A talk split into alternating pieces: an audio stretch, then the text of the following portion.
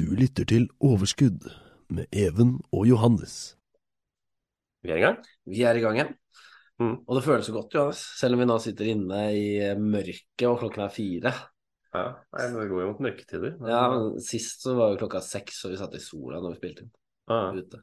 nei, det går, eh, går fort, dette her. Ja. Selv, selv etter en klokkestilling og sånn, så er det det blir Eller det gjør jo egentlig at det blir enda fortere mørkt. Det er sant. Det er sant. Det, var, det hjalp jo ikke å stille ting tilbake en time, men, eller frem, eller hva enn det er det som skjedde. Jeg, jeg klarer aldri å lære det. Men eh, jeg Mot sommeren. Så i dag, sommeren er fortid nå, og da er det tilbake. Ikke sant? Da ble jeg bare mer forvirret. Da ble jeg bare mer forvirret. Men essensen er at sist vi spilte en episode, Jonas, det er ikke så lenge siden, så Mm. var det lyst, og vi satt i solkroken på terrassen og koste oss når vi spilte inn. Mm. Nå sitter vi inne, og det er mørkt ute, og jeg kommer rett fra jobb. Jeg dro Mm. tidlig fra jobb for å få til dette her. Men til gjengjeld så snakker vi om et veldig i hvert fall relevant tema for oss. Ja. Vi er ikke inne på boligmarkedet ennå. Og vi skal gå gjennom noen punkter som jeg har skrevet ned, som jeg, jeg tenker er veldig nyttige for de som sitter på gjerdet og skal inn på boligmarkedet, Ja, eh, før, eller vurderer. og før det er eh, Altså, jeg har jobbet med Jeg jobber tett opp mot dette her i jobben, da. Så Mm. jeg skal ikke si at jeg er ekspert, men jeg har litt å gjøre med det. Og du Mm. også har jo hatt litt å gjøre med dette her opp igjennom. Ja, ikke, ikke fryktelig mye. Nei, Som, som aksjemegler var ikke dette her eh, så relevant. Men Men vi er, så vi er ikke eksperter, men, men vi kan et og annet. Og så er det jo i tillegg kanskje slik da at um, de som er litt mer erfarne og voksne allerede er på boligmarkedet, mm, ikke vil ha samme utbytte av denne mm, episoden som, som veldig unge. Men de har vi tenkt på. ja. De, de, de får en episode, eh, om ikke neste uke, i, i relativt nært tid, Ja. hvor vi skal snakke om eh, utleie. For det vet jeg at det er mange i 40-50-årene som tenker på som litt mer aktuelt. Mm. Og, og hvilke tips og triks eh, man kan gjøre. Det er, det er veldig mye du kan gjøre for å si, optimalisere Absolutt. det. Og det første du sa, og det var uoppfordret før vi det hele tatt begynte å snakke Mm. pod, Johannes. Det første Ja. du sa var jo egentlig hvor mange enheter jeg kunne ha, ikke alkohol. Eh, hvor mange boenheter jeg kunne ha før det teltes som eh, Ja. næring, og derav skattes eh, ganske aggressivt. Så interessant tema som vi Mm. kommer til neste uke. Mm, Denne uken skal vi snakke om førstegangskjøpere. mm. Og hva er det kanskje de første tingene man må, må vite som uh, førstegangskjøpere? Uh, det er jo veldig forskjellig hvor mye kunnskap det er der ute, men vi tenker å ta det veldig basic uh, i denne episoden her, da. Ja, så det er mulig folk vet dette, her, men vi skal prøve å Mm. bidra. Så det er jo en slags ikke bindende, men retningsgivende forhold til hvor, eller regler i forhold til hvor mye lån du kan få, da. Mm. Um, og det er dette man kaller med, med 15% egenkapital. Med, og da sikter man med egenkapital til hvor mye formue, eh, eller, eller ikke formue, hvor mye kapital, da, hvor Mm. mye penger må du ha eh, for å kunne få et lån. da. Mm. Så Det er da 15% så eh, uten at jeg skal klare å regne dette her, men har du ja, Har du 150 000 egenkapital, da, så skal du til Ryen få et lån på en million. Er ikke Ja. slik? Mm. Og, og så er det også en annen begrensning her, eller som, som ofte Det er ikke bindende begrensning, men de, du vil jo nok også ikke få lån på mer enn fem ganger årsinntekt. Så, så, så det er de to begrensningene, da. Mm. Så, men, men har du eh, veldig mye i eh, egenkapital, så er det ikke egentlig utgangspunktet et problem på at du kan få et veldig stort lån. Um, men det er også en såkalt egnethetsvurdering Mm. som eh, bankene skal gjøre når du får lån, og det er om du tåler en 3% rentestigning. Mm. Uh, Så effektivt sett i dag så betyr det, og vi var innom det i forrige episode, så betyr det at du skal, måtte, din økonomi skal måtte tåle en rente på 9 Mm. For at du skal kunne få dette lånet innvilget. Ja. Eh, Eller egenkapital i første omgang, da. Mm. Eller jeg mener finansieringspris, som er neste punkt vi skal komme innom. Mm.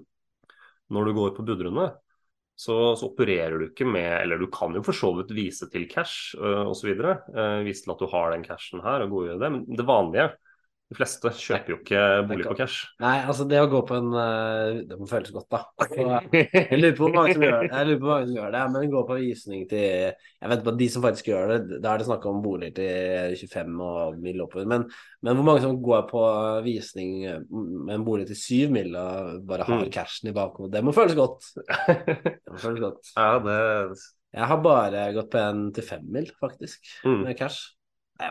Jeg. Begynte å lure nå. Ja, det kunne vært sant. Nei, men bare før vi går videre, så vil jeg bare skryte noe. Ja. Og du sier dette med 15% EK, og det er jo Mm. helt, helt riktig.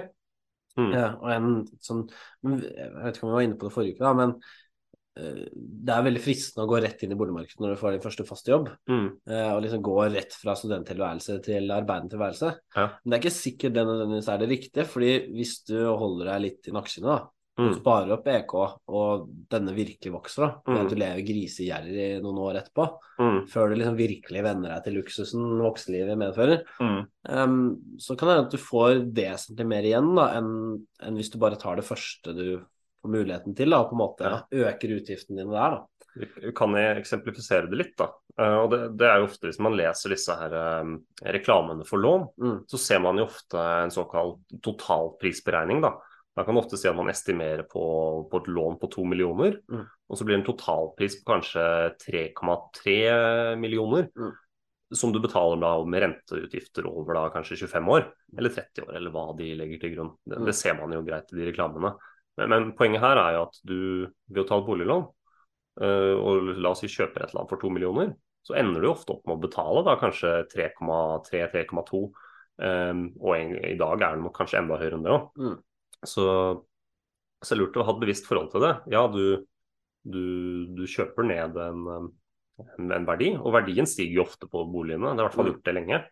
Men du betaler jo også mer enn det du ville gjort hvis du bare hadde kjøpt den rent i cash. Da. Mm. Så, og selvfølgelig, det er ikke, vi vil nok ikke oppfordre folk til å spare opp eh, til de får da 3-4 millioner i cash, for å så gå og kjøpe boligen direkte. Eh, Da går man jo også nok glipp av en del eh, Boligprisen er nok langt høyere eh, før du får til det. Absolutt. Men en mellomting kan være greit. og det, ja, Lag et Excel-ark, se på det. og det er ikke, det er ikke sikkert det, det lønner seg å bare jo, jo før jo bedre. Nei. Det er, jo, det er jo også slik at eh, en, en bolig som du kjøper, eh, og det varierer litt hva slags bolig du kjøper, men en bolig du kjøper vil også ha en del bare faste utgifter i tillegg til da lånekostnader Mm. som du må ha hver måned. Absolutt. og De påløper med en gang. Mm, de, de påløp med en gang, og det kan være snakk om 8000-4000 i faste utgifter hver måned. Kanskje enda mer òg, hvis det er eh, Absolutt. Og, høy er penger, eh, og det er penger du heller kunne skutt inn i egenkapitalen og bygget Mm. EK. Da. Så det jeg prøver å si, da, det er at når du kommer først ut i arbeidslivet, så tjener du veldig lite relativt sett. Da. mm, Uh, og du har gjerne lite EK, fordi du har levd gjerrig i år Mm. før. Men essensen er at du går ganske fort opp, i hvert fall når du er utdannet, høyt utdannet. Da. Så det er jo ikke, men essensen er at mange går veldig fort opp i høy lønn, og det er Mm. ganske lett å spare i starten. Det blir vanskeligere og vanskelig å spare etter hvert som Ja. du kanskje får deg kjæreste, og du får barn mm, osv. så videre. Så, så det, poenget er at hvis du kan leve gjerrig og spare opp og vente til liksom, ting er blitt enda bedre, på en måte, så, Mm. så er det ett tidspunkt å gjøre det på, det er med en gang. Ja. Selv om det er ikke noe feil å gjøre det senere heller. Men, Mm. men da vil det være lettest, da. ja. Skal ja. et, annet, et annet poeng også, det er jo Man får jo et, et finansieringspris. Uh, og det vil jo være kanskje, kanskje du får et finansieringspris på 5 millioner, uh, eller 4 millioner. Og så vil det jo ofte for mange være fristende å tenke at dette her er maksbeløpet. Da. Dette her er det jeg kan, eh, kan by. Mm. Og forholde seg til det som den øvre grensen. Men i mange tilfeller da, så er det jo kanskje lurt å akseptere noe lavere enn det som er eh, maks finansieringspris. Eh, både med tanke på at da, da lever Det er jo det banken skal si, estimerer at du klarer å Det er, det er på en måte det er smertegrensen da, i Mm. forhold til hva du klarer å håndtere i lån. Og eh, det er, det er nok lurt å være under det. Og du kan jo lage et, eh, lage et Excel-ark og se hvor mye blir dette i rentekostnader hver, eh, hver måned Mm. de første årene, og er dette her mulig å, mulig å leve på? Ja. I tillegg til da faste kostnader. Men Det er veldig sant, det, fordi eh, essensen med et boliglån er at det skal gi en viss sånn trygghet, og det skal føles godt, og du skal føle at du sitter i noe som er ditt eget. og det, det stemmer jo på et vis, men det er klart hvis du kontinuerlig lever på smertegrensen da, Mm. mens du har dette her Ja. Unnskyld, nå kremte jeg. Eh, men da, da, da føles det på en måte ikke trygt lenger og godt. Og det, og det er jo hele Mm. poenget, at du skal føle en trygghet med å bo i ditt eget hjem. Og hvis du som sagt lever på smertegrensen bare fordi du skulle makse ut et finansieringspris, så er på en måte da faller poenget bort. Mm. Og, det, og for, for tre år siden, så, to år siden så jobbet jeg i SR-Bank, og da tilbød vi folk renter til 1,35 Mm. Eh, Og det var ingen som så for seg at de rentene skulle opp, men, du, Ja. men, men det kan de fort gjøre. Ja. Og da føles det ikke like trygt lenger. Og man hører jo mange som bare blir rådet mot ta og binde renta. Mm. Eh, fordi nei, nå, det, det, dette er kommet til å vare lenge med disse lave rentene. Mm. Og det, altså jeg var en av dem som trodde det selv eh, på, på 2021 og 2022, at dette her kom, så ut til å komme til å vare lenge. Det Mm. gjorde jo alle. Så, så kommer det et sjokk med inflasjon, Mm. og som fører til en høy rente. Så, men, men uansett, eh, vi må også innom en del andre punkter. Mm. eh, og vi skal prøve å være korte, for det er, det er veldig mye å si om alt av disse punktene Ja, her. vi må begrense oss litt. Men eh, Bankene tilbyr jo, og det har sikkert du også en del erfaring med, de tilbyr jo ofte det såkalte førstehjemslån. Eh, og det vil ofte være billigere enn andre typer lån. da. Ikke på vanvittig mye, men, det er ofte noe man, kan se nærmere på. Mm. Eh, de vil også ha banker forskjellige typer eh, lån, som f.eks. grønne lån. Har du et energivennlig bygg, så kan du forbedre bedre rentebetingelser. mm. har du en fagforening, så har de ofte en avtale med en bestemt bank. Mm. Det er mye forskjellig. Er du LO-medlem, så er det enkelte banker som Ja. Mm. Det, det får du se på i ditt konkrete tilfelle. Det er, det er jo fryktelig mye uh, forskjellige fordeler knytta til eh, hvilke banker som tilbyr det og det ene og det andre. Mm. Men en ting som er, også er felles for alle mm, bankene, det er at i sin utregning av egenkapital, så, så tar de med det du har på BSU. Mm. Det, det, det gjør de. og Grunnen til at jeg sier det, er fordi du, har, du blir jo ikke tvunget til å innløse din BSU selv om du kjøper en bolig. Den BSU-en kan du sitte på fortsatt uh, og få disse skattefordelene inntil du er 34 år, da. Ja. Til det opphører. Så, så det er en veldig lur ting å være klar over. Ja, du, du har kanskje, la oss si du har en halv mil stående på BSU. Mm. Det kan fungere som egenkapital. I tillegg så kan det bare bli stående og fortsatt uh, gi deg de fordelene og gi deg renta, renteavkastning Mm. inntil, uh, inntil man fyller 34 år. da. Det er interessant du sier en halv million, da, fordi det, det vil jo kreve at du får litt renter og sånn, for du kan maks sette inn 300 000 på én Mm. gitt BSU eh, utenom rentene som påløper. Men essensen er at det er noe som heter BSU pluss i enkelte banker. Jeg lurer, Ja, på det er flere, jeg lurer på om det finnes noe tilsvarende i alle banker, men at de har forskjellige navn. Mm. Der er at du får ikke noe skattefradrag, og du må allerede ha fylt opp en BSU. Mm. Men, men, men du vil få veldig gode rentebetingelser på den Mm. også. På den måten så kan du på en måte doble BSU-beholdningen din. da. Så hvis du Mm. har anledning til å spare mer, så er det kanskje den beste måten å gjøre det på. Ja. Hvis du vil ha maks trygghet og så videre. Og, og selvfølgelig, dette er jo også penger som du da binder opp til bolig. Mm. På, på samme måten som en vanlig BSU-konto. Mm. Så, så det er det jo noe, noe å se på. Et annet unntak som, eh, som det er greit å kjenne til, det er jo at, eh, og som vi innledningsvis sa, 15% egenkapital er jo ikke bindende. Men bankene har anledning til å altså Det jeg har hørt, er i hvert fall de kan akseptere 5% Noen andre skriver 10 eh, av alle lån. Kan gå utenfor disse her eh, 15 eh, fem ganger inntektskravene. da. Okay. Um, og da, må nok man vise til eh, andre momenter for at banken skal akseptere å velge deg for å gjøre Det omtales vel ofte som bruddlån, da. Ok. Så, så Det høres jo tvilsomt ut, men det er ikke det. Bankene har anledning til å, til å avvike dette kravet her i, i x antall tilfeller. da. Ja, for du må vite at, eh, man må vite at dette med 15 egenkapital, det er jo for bankens sikkerhet òg. Mm. De må ha en viss uh, trygghet i sin portefølje. Mm. Eh, men det er klart, som du sier, jeg vil jo tippe at de kan operere med det de vil, egentlig. Det er jo Mm. klart at det var jo det som skjedde under finanskrisen. Ja, det, Da gikk man litt over eh, visse parametere. Mm. Men unnskyld, jeg skal slutte å kremte nå. Ja. Det er en kremtedag i dag. Mm. Eh, Vi har jo noen andre punkter også. ja, for, for nå har vi gått gjennom mer det, det grunnleggende da, Mm. med, med tanke på egenkapital, eh, BSU. For de som ikke visste det, og det er jo overraskende mange som ja, bruker BSU, fyller det opp. Og ja, jeg selv var ikke klar over den, den grensen sånn uten videre. Men eh, det er også andre fordeler man kan bruke seg av, og som vi var innom i forrige episode. eh, noen fordeler eh, er, er jo litt urettferdige, men å få en kausjonist å ha foreldre som har et hus som er eller langt på vei nedbetalt, Mm.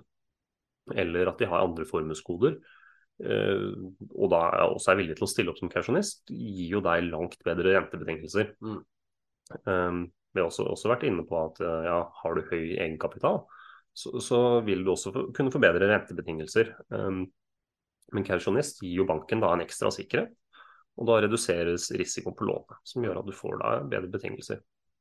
Så, så det er absolutt eh, noe man må vurdere, særlig hvis renta oppleves veldig høy, da, så er det noe man kan se på. Um, med også en del andre skal si, alternative veier inn til boligmarkedet. da. Det finnes jo mye moderne løsninger for å, uh, for å komme inn. Og der har man leie til eie, deleie og noe som heter boligstart. Det finnes nok også andre skal vi si, løsninger for, for å komme inn i boligmarkedet. Vennelån er jo noe som tilbys i stadig økende grad. Mm. Men vi, vi, kan ta for oss disse her forskjellige alternativene litt én for én. Ja. Felles, bare, bare for å nevne det, er vel kanskje at jo mer komplekst det blir, jo mer må du tenke over kanskje detaljene. Ja, og du kan si at detaljene i disse forskjellige alternativene varierer jo veldig mye, også fra forskjellige tilbydere. Mm. Så her er det lurt å, å si, lese nøye og eh, si, sjekke at du forstår alltid de avtalene som tilbys. For det Essensen er at det er mm. en slags skreddersydd løsning, da. Mm. Um, men det er som en skreddersydd dress. Det er kun den som på en måte skal mm. gå med den, som funker. Ja. Som passer til den. Så, så, så, her kan det fort gå Hvis man tar litt feil steg, da, så mm. kan man fort bomme. Og ja. komme dårlig ut av det. Men vi eh, kan, vi kan jo gå litt inn på. Og Først så nevnte jeg boligstart. og Det, det er en løsning som per i dag kun tilbys av Obos. Um, og Det er et opplegg hvor du får kjøpt da, og da er det gjerne ny, et nybygg som du får kjøpt på 10% rabatt. Um, mottatt Obos på angitt tidspunkt, på kanskje fem eller tre eller syv år, vil kunne kjøpe deg ut til markedspris. Um, det høres jo kanskje rart ut, men uh, 10% rabatt er relativt mye når det kommer til bolig. Det er flere hundre tusen som regel. Og uh, og det, har en fordel ved seg. Og de fleste som kjøper sin første bolig, vil jo antagelig selge den eh, om, om, noen år, da. Så bare å ha det fastsatt gir jo en slags, eh, slags sikkerhet. Um, og det som også er viktig å vite, det er jo at prisen på boligen, eller prisen som Obos kjøper deg ut av om da fem år f.eks., den prisen vil jo være en slags indeksbasert pris på boligen i det angitte området. Mm. Det er også noe man må se nærmere på i den konkrete avtalen. Men du vil nok eh, holdt på å si, du vil nok ikke få noe vanvittig oppside på slåmarkedet. og du, altså, du vil jo ikke heller, heller tape noe særlig mot markedet. Du vil være markedet ganske presist i det området, da. Som, som kan være greit. Um, men det vil bety også da at hvis du pusser opp og hvis du gjør renovasjon, og det, det er kanskje ikke så stort behov, for det er ny, men Gjør du det, så får ikke du verdistigningene det medfører. Så det er også greit å være klar over. Og En risiko som jeg har lyst til å framheve her, det er jo at eh, går boligmarkedet dårlig, eh, så, så, kan det hende at eh, Obos har lyst til å kjøpe deg ut. Mm. Uh, kjøp, kjøp, en billig bolig til, til, en lavere penge. Og så sitter du igjen med, med, et tap, og et tap som du ikke kan få tilbake på skatten. Uh, så, så det kan være litt dumt. Um, og det er jo helt, det er ikke noe vilkår uh, om det er gode eller dårlige tider som avgjør om Obos kjøper. Det er rett og slett bare hva de, hva de selv finner hensiktsmessig. For du, de har ikke en plikt til å kjøpe. Nei. Så det er greit å være klar over. Um, men da kan du også selge på det åpne markedet om du skulle ønske. Uh, så det oppleves jo ikke kanskje så problematisk. Men ja, en, en relativt uh, kan si, det er ja, god fordel med 10% så får man vurdere løsningen. Men per i dag, så, ut fra det jeg leser, så er det kun noe som tilbys i Oslo-området. da. Okay. Um, så gjelder jo kanskje for mange som um, skal inn i et vanskelig boligmarked. Um, utover det så er ikke, ikke dette så stor virkning. Um, vi kan gå videre til leie til eie. Ja, dette er noe man finner litt sånn overalt. Mm, ja, liksom mye tech-startups som begynner å tilby dette her. da. Og... Ja, du finner det kanskje Det er, vel det er mindre tilbydere, da. Mm. Da må du alltid være litt mer obs, kanskje. Men, ja. igjen, men, igjen, kanskje du finner en mulighet som passer deg perfekt, da. Mm. Uh, og, og, løsningen her er jo Altså, det varierer mye, men det er som regel at uh, du får en kjøpsopsjon på en bolig på, om en angitt, i en angitt framtid. Mm. Kanskje at om fem år så får du muligheten til å kjøpe. Og Det som er fint, er at du får da, altså på avtaletidspunktet, på inngåelsen, for det tidspunktet lagt til grunn ved verdsettelsen. Så hvis boligen er verdt fem millioner da, så er det den prisen du skal betale. Mm. Og Det gjør at du vet jo allerede prisen som du må betale på boligen. Um, Men så må du, må du la leie til en pris i kanskje fem år, seks år, syv år, eller hvor lenge som avtalt. da. Og det er jo også, det er også ganske bindende. Um, oppsigelsesvilkårene kan være dyre og variere litt. Uh, og så kan jo også leien være over markedspris, fordi de som leier ut, vil jo også tape uh, på å holde en bolig lenger enn de på en måte må. da. Mm. Så får de leieinntekt til gjengjeld, men det, totalt sett så kan dette her ofte være en dyrere vei inn. Og det, det er ikke spesielt fleksibelt med, hvis man skulle endre plan. Men på en annen måte så er det ganske forutsigbart. da. Du vet hva du vil betale i leie hver måned, og du vet nøyaktig hvor mye du må ha spart opp innen utløpet av opsjonen. Mm. Så hvis du vet at du må ha fem millioner på en eller annen dato i 2032, eller når det er, så er det veldig lett å lage et budsjett som på en måte eh, gjør at det er mulig med god margin. Mm. Så, så sånn sett så er det veldig forutsigbart. This is your invitation to a masterclass in engineering and design. Your ticket to go from zero to 60 with the Lexus Performance Line. A feeling this dynamic is invite only. Fortunately, you're invited. Experience the exhilaration of the Lexus Performance Line and some of the best offers of the year on select models at the Invitation to Lexus sales event, now through April 1st. Experience amazing at your Lexus dealer. Men uh, kan si at den, skal si, fellen her er jo hvis, man, hvis det viser seg at man ikke har råd til det. Man ikke har råd til opsjonen. Ofte så er det jo så- såkalt personlig. uh, ved at det er kanskje bare deg, uh, Even, hvis det er du som inngår avtalen, Mm. som, som kan gjøre nytte av dette her. da. Så hvis ikke du har råd, så kan ikke du selge dette til noen andre. Og, og de får fordelen av det. Så hvis du ikke klarer å spare opp, så, så har du kanskje bare hatt en, leie, en dyr leieavtale i lang, lang tid Mm. uten å få noe som helst ut av det. Nei. Så Det er litt mer risiko på Mm. flere måter. det er det. Uh, og så har man jo deleie. Uh, ligner jo, ligger jo egentlig ganske naturlig i navnet. Du kjøper bare kanskje 50 av leilighet, så kjøper Obos eller andre en annen aktør. De resterende 50 eller 25 eller hvor mye det er. Mm. Uh, og så kan du, ja, så er det en avtaleregulering på hvordan du kan kjøpe den delen ut senere. Da. Mm. om du har en forkjøpsrett, eller hvordan prisen på den nye delen fastsettes. Ja. Det blir ganske komplisert etter hvert, da, Ja, og, eh, med de avtalene. Og umiddelbart så tenker jeg sånn at hvis du vet nøyaktig hva det er du vil, og hva du har kapasitet til, og kanskje Mm. hvordan karrieren din ser ut altså det er klart Når du kommer inn i si et konsulentselskap, da, så får du en veldig sånn grei plan på hva du kommer til å tjene når, og eventuelt Mm. hvor mye du får spart opp, og hvordan, hvordan ting er. Og det er klart, det gjør det jo ulike muligheter enkelt, men de fleste vil jo klare seg greit med på en måte ja, dagens inntekt og den egenkapitalen jeg har, da kan jeg kjøpe det og det. ikke sant? Mm. Ja, og det er en veldig lett måte. Dra rundt på visninger, titte. Altså, det er en veldig forutsigbar, enkel måte å gjøre det på. Mm. Men det er klart, jo mer oversikt du har over egen økonomi og egne inntekter, jo mer valgmuligheter har du. ikke sant? Mm. Så, så det kommer litt an på hva du foretrekker. Vil du bare ha noe enkelt, er det ikke så viktig, eller vil du på en måte ha en perfekt løsning? Ja. Du, du finner alt, men, men essensen er at det er jo Har du Mm. ikke kapitalen og inntekten, så vil det jo være vanskelig. Altså, det Ja. er det hele debatten handler om. Mm. Eh, Men en annen ting som jeg vil, hvis jeg kan få lov til å nevne, det Ja. jo dette med vennelån. Mm. Som er en ny greie, og jeg kan ikke gå god eller vondt for det på noen som helst vis, men essensen er jo at man istedenfor å være samboere som kjærester, Mm. så kan du nå leie med en venn, da. Hvorvidt renten, eller det kan også være familie for så vidt, søsken. Eh, hvorvidt renten du får er like god som det ville vært med en hustru, eller hva det måtte være, det, Ja. det, det vet ikke jeg noe om. Men, men jeg sjekket ganske kjapt, og det, det så ganske så likt ut, da. Ja. Eh, nå per i dag. Mm. da. Men Fordelen er jo ofte at du, du får Du betaler jo Du får et mye mindre eh, mye mindre forpliktelse hvis du gjør deler det med noen. Ja.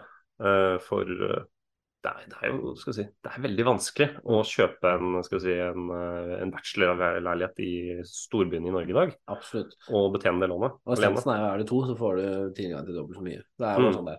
Eh, Men det som er med sånne vennelån, da, det er at der gjelder det fordi du skal jo på en måte ikke ha den for alltid. Mm. Det er det som er med når man er venner. at man er glad i hverandre, men man er ikke så glad i hverandre. Eh, essensen er at man må ha en plan da, for når dette vennskapet skal opphøre.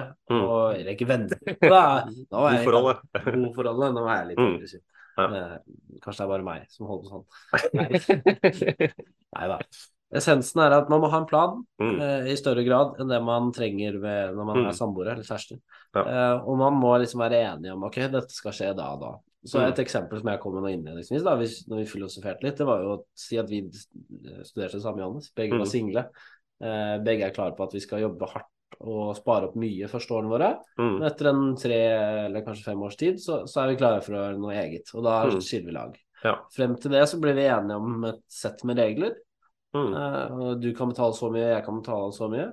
Mm. Uh, og det er det, på en måte. Og det blir en andelsbrøk for hvor mye vi eier, da. Ja. hvor mye vi betaler fortløpende. Og, men hvis vi klarer å bli enige om det, og ikke minst eh, den slags løpende kontrakten for eh, selve boforholdet, når vi, når vi Mm. gjør dette her, Ja. så, så er det definitivt en mulighet. Mm. Eh, og noe som jeg tror flere og flere bankene slenger seg på, da. Ja. Eh, Men det er klart, eh, sannsynligheten for tvister er jo altså, Det kan godt hende at den er like stor som den er for kjærester. Men Jeg tror kanskje det er mindre, jeg. Men... det er egentlig hvis det er gode, ja, men hvis det er gode Mm. venner. Det er noe som sier Ja. at hvis du har vært venner med noen i mer enn åtte år, så er det statistisk sett eh, nesten sånn veldig høy sannsynlighet for at man fortsetter å være venner. Ja. Og det er klart, det samme kan du kanskje ikke si med kjærestepar. Jeg vet ikke. Jeg vet ikke. Men eh, Ja, det er, det er, det er en skilsmissestatistikk i Norge som er ganske høy. Um, men uh, ja, uansett, da. Uansett. vi skal ikke fordype oss for mye i dette her, men Samboer også, det er lurt å ha en avtale på, på boforhold. absolutt. absolutt. Uh, så- som også tar høyde for hva skjer hvis det går i oppløsning. Hva, er det noen som har forkjøpsrett, eller Mm. ja, den, den type ting. Mm. Uh, eller om man kan fortsette å eie med videreutleie. Mm. Um, da må man i så fall være åpen for det. Men det, det er en del punkter man burde tenke over. Og rett og slett bare lage, sette seg ned, skrive en avtale hvor man finner en enighet på det. da. Mm. Så Men absolutt en mulighet når man burde Mm. tenke gjennom da, i forhold til leie. For er Leier du, så vil du jo Mm. ofte måtte inngå samme Altså du får de samme problemene da, mm, eh, hvis du får feil, eh, feil person å bo med. absolutt. Neste forskjellen er at du sitter ikke igjen med noe heller. Mm. Så, men ja, få fordelen av et forhold uten å være i det i boligmarkedet. Det, det høres bra ut. mm, det, det, det, er ikke, det, er det er absolutt noe man ikke må undervurdere. Nei. Og, men selvfølgelig, eh, finn en person du faktisk har lyst til å bo med. Ikke bare gjør dette fordi det er billig Vi sparer penger på. Men hvis det høres interessant ut, så har jeg definitivt bare undersøkt mer. fordi av alle ting jeg Altså alle ting vi har diskutert i dag, Johannes, så Mm. er nok den jeg ser for meg kanskje vil være mer og mer aktuell for flere og flere. da. Ja. Eh, og dette er nok noe som, Mm. som jeg tror bankene også kommer til å, til å skjønne at vil være et populært produkt. da, Hvis jeg skulle gjette, uten at Mm. jeg sitter på dette. Ja. Eh, Et, annet, et annet poeng som er lurt å være klar over, det er jo når man ser på boligene, så er det jo forskjellige typer eierform. da. Mm. Om det er et borettslag eller selveie, eller om det er liksom et aksje, aksje, aksjeeie. Um, så er det i hvert fall greit å være klar over at um, med et borettslag Mm. så vil det være visse begrensninger i forhold til utleie, bl.a. Så, og så vil jo det gjerne være representert i prisen. Men i et borettslag så man, må man ofte bo en stund i enheten selv før man kan leie den videre. Og eh, det, det er jo kanskje også litt mer eh, omfattende med fellesgjeld i, i borettslag. Da har man jo et borettslagsstyre som kan ta opp gjeld i forhold til en brøk på, Mm. på alle sin regning, eh, dersom man får eh, flertall for det. da Mm. og, og til de og de formålene. da. Så, så, så driftes det. Så ja, da blir også punktene å se på, det er jo fellesgjeld. Det, det er jo en, eh, en kostnad som kommer i tillegg, som blir en, eh, blir en fast eh, rentekostnad også på det. Så, som du må betale som del av å være i borettslaget. Mm. Eller et selveie hvor det også er si, et felles arrangement på det. Dette har vi ikke gått inn på, på forskudd, Johannes, men vet du hvorvidt den renten følger vanlig, vanlig, noe vanlig rente, eller er den fastsatt fra før? Jeg vet du hvordan det er? Eh, det er et godt spørsmål, det, det er jeg ikke sikker på. Men eh, Essensen der er vel at det må folk undersøke. mm, Det er viktig å få undersøkt. mm. Fordi det vil være en kostnad som påløper. Ja, og du ser jo, du ser ofte, i hvert fall på Finn-annonsene, så ser du jo hvor mye fellesgjeld som er registrert på hver enhet. Mm. Men de følger jo da ny kjøper, så det er jo ikke noe, det er ikke noe man kommer, kommer seg unna. Eh, så det kan være en slags felle, da. Hvis det ser veldig billig ut, hvis det ser ut som en veldig billig enhet, så er det kanskje fordi det er mye fellesgjeld. Mm. Eh, Så, så, så en liten fallgruve det kan være lurt å være klar over. Mm. Og også at ja, det i hele tatt finnes en mulighet at det kan tas opp gjeld i ditt navn selv om du stemmer imot det. Mm. Eh, noe vil det jo være fordi det er faste driftskostnader vi har. Ha et borettslag, må ha snømåking, kanskje trappevask osv. Mm. Men også hvis det skal være renovasjon eller noe som folk stemmer for og har lyst til å gjennomføre, som kan være ganske kostbart, så Mm. kan det, det skje i din regning. Så med, med selveie og med andre eierformer så har man jo ikke dette problemet. Eh, men, men det vil jo være dyrere, eh, som regel dyrere leiligheter å kjøpe. Mm. Så det er greit å være, greit å være klar over. En annen ting som et siste punkt som jeg tenker lurt å reflektere over, det er også i forhold til hvor gammel leilighet er det du kjøper, og hva er planen din med den. Mm. Også med tanke på ja, møblering må man jo ha kapital til, men også med tanke på oppussing. Går du etter oppussingsobjekter? Um, eller skal du kjøpe et eller annet som er nyoppusset, som du har lyst til å skal vi si, leve i uten å ha masse ekstra kostnader de første årene? Mm. For uh, hvis du ikke har, har, reflektert over det, så kan det komme noen overraskelser ganske fort. da. Hvis du har et uh, 20 år gammelt bad, uh, ja, da vil det kanskje være noe og, ja, Særlig hvis det er mye eldre enn det òg. Mm. Så vil det kanskje komme en del overraskende kostnader på, på diverse ting da, som kan, kan være ganske dyre. Så, så, så ha en plan, og også, også se gjerne hvor mye koster å pusse opp et bad om dagen. Det, Mm. det, det er ja, overraskende dyrt både med kjøkken, bad og Absolutt. Essensen er at det er, det er mye, altså, det er, men det blir jo nesten litt sånn at det blir sport. Mm. Men det er jo mange som faktisk kjøper en bolig, mm, pusser den opp selv, eller i hvert fall så mye de kan. mm, Eh, Ja. Selger den når de er ferdig med den, og så altså, Mm. flipper de da på en måte og bygger seg opp, sånn at de hopper videre til noe større og bedre. Ja. Og så gjør de det samme på nytt. Og, på Mm. nytt. Og et lite, og har du kapasitet til det, så er det definitivt en måte å og et lite skattetips der, det er jo eh, enkelt og greit at uh, hold den i ett år før du selger. Da får du gevinsten skattefri. og særlig hvis du gjør sånn, så regner du med at det skal komme en, komme en god gevinst ut av det. Så det blir veldig dumt å selge den etter eh, elleve måneder og noen dager. For eh, hvis du bare kunne ventet med, med det. Absolutt. Så her er det, er, det litt å spare på det. Eh, og det, det gjelder også med tanke på hvis man inngår disse her avtalene med skal si, deleie og leie til leie, at Mm. hvis du ender opp med å kjøpe den og så selger den videre med en gang, så, så vil du jo også må bli skattepliktig hvis det kommer en gevinst. Ja. Og eh, ja, kan bli noen kompliserte spørsmål der, jeg tror ikke jeg vil gå videre inn på det. men det er vel lurt å i hvert fall ha det på det rene at du har gjort en vurdering, og gjort at du faktisk oppfyller eh, vilkårene for å få et skattefritt salg. Mm. Det er viktig. En siste ting jeg vil legge til, er dette her med, med gjeld med tanke på egenkapital. Enhver gjeld du allerede har, Mm, vil jo på en måte trekkes fra egenkapitalen din i beregning av hvor mye egenkapital du har. Mm, Uh, og en ting folk kanskje ikke tenker på, er da kredittkortgjeld, som, Mm. som også er en del av det. Ja, og det er klart Noen syns det er stas å ha mange kredittkort, eller i hvert fall høy kredittgrense på det de har. mm, Eh, Jeg er egentlig ikke noen personlig fan av kredittkort, jeg bruker det svært sjelden. Mm. Men, eh, men for nøyaktig et år siden så var jeg i en situasjon hvor jeg hadde akutt behov for å øke egen kredittgrense. Ja. Kun fordi jeg skulle ha et sånt depositum. da.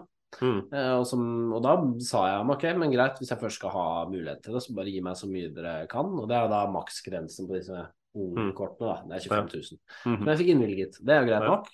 Bruker det aldri. Men essensen er at det er jo 25 000 kroner som, som trekkes fra når du beregner min egenkapital. ja. Så hvis jeg da skulle hatt et boliglån, eller makset lånene mine, så ville jeg jo på dagen på en måte fjernet kredittkortet. mm. Ja, det er noe som er verdt å, å nevne. Da. Og det også Det legges ikke til at du har det, de 25 000 tilgjengelig òg? Gjør ikke det? Nei. Ikke? Nei, det teller med gjeld.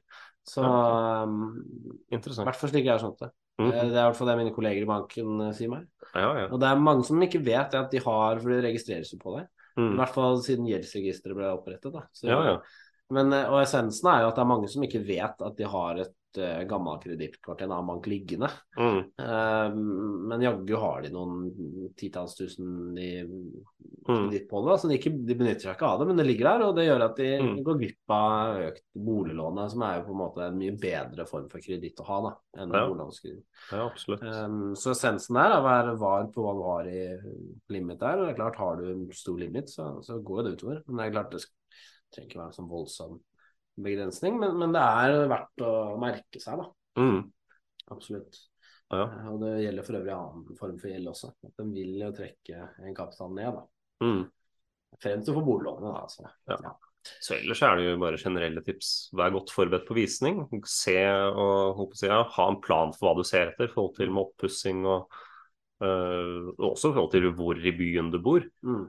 Eh, og si, ikke, bare kjøp et eller annet sted fordi du tror det kommer prisstigning der. Kjøp også et sted du, du kan tenke deg bo i i lang framtid. Absolutt. Også det med at uh, hvis, du, hvis du kan finne deg i å bo et sted veldig lenge, så er jo det bare en fin sikkerhet i seg selv. Mm. Uh, med tanke på om det kommer et dårlig boligmarked en eller annen gang i framtiden, som kanskje, kanskje, kanskje ikke er så langt unna. Men essensen er, og vi er jo ikke eiendomsmeglere, så dette er jo ikke vårt fagfelt sånn sett. Men, men essensen er at hvis det er én ting med en leilighet som du er veldig opptatt av, Mm. være det seg nærhet til byen eller balkong eller en slags, Ja. så, så, så er det aldri, Min erfaring da er i hvert fall at folk aldri angrer når de på en måte går for den ene tingen de virkelig vil ha, da. Mm. De som heller eh, takker ja til mer av andre ting, Mm. og ofrer det ene de faktisk hadde lyst på, de er mer misfornøyd enn de som kanskje ofrer mye andre ting for den ene ting de vil ha, da. Mm. Balkongtype er et sånt klassisk eksempel.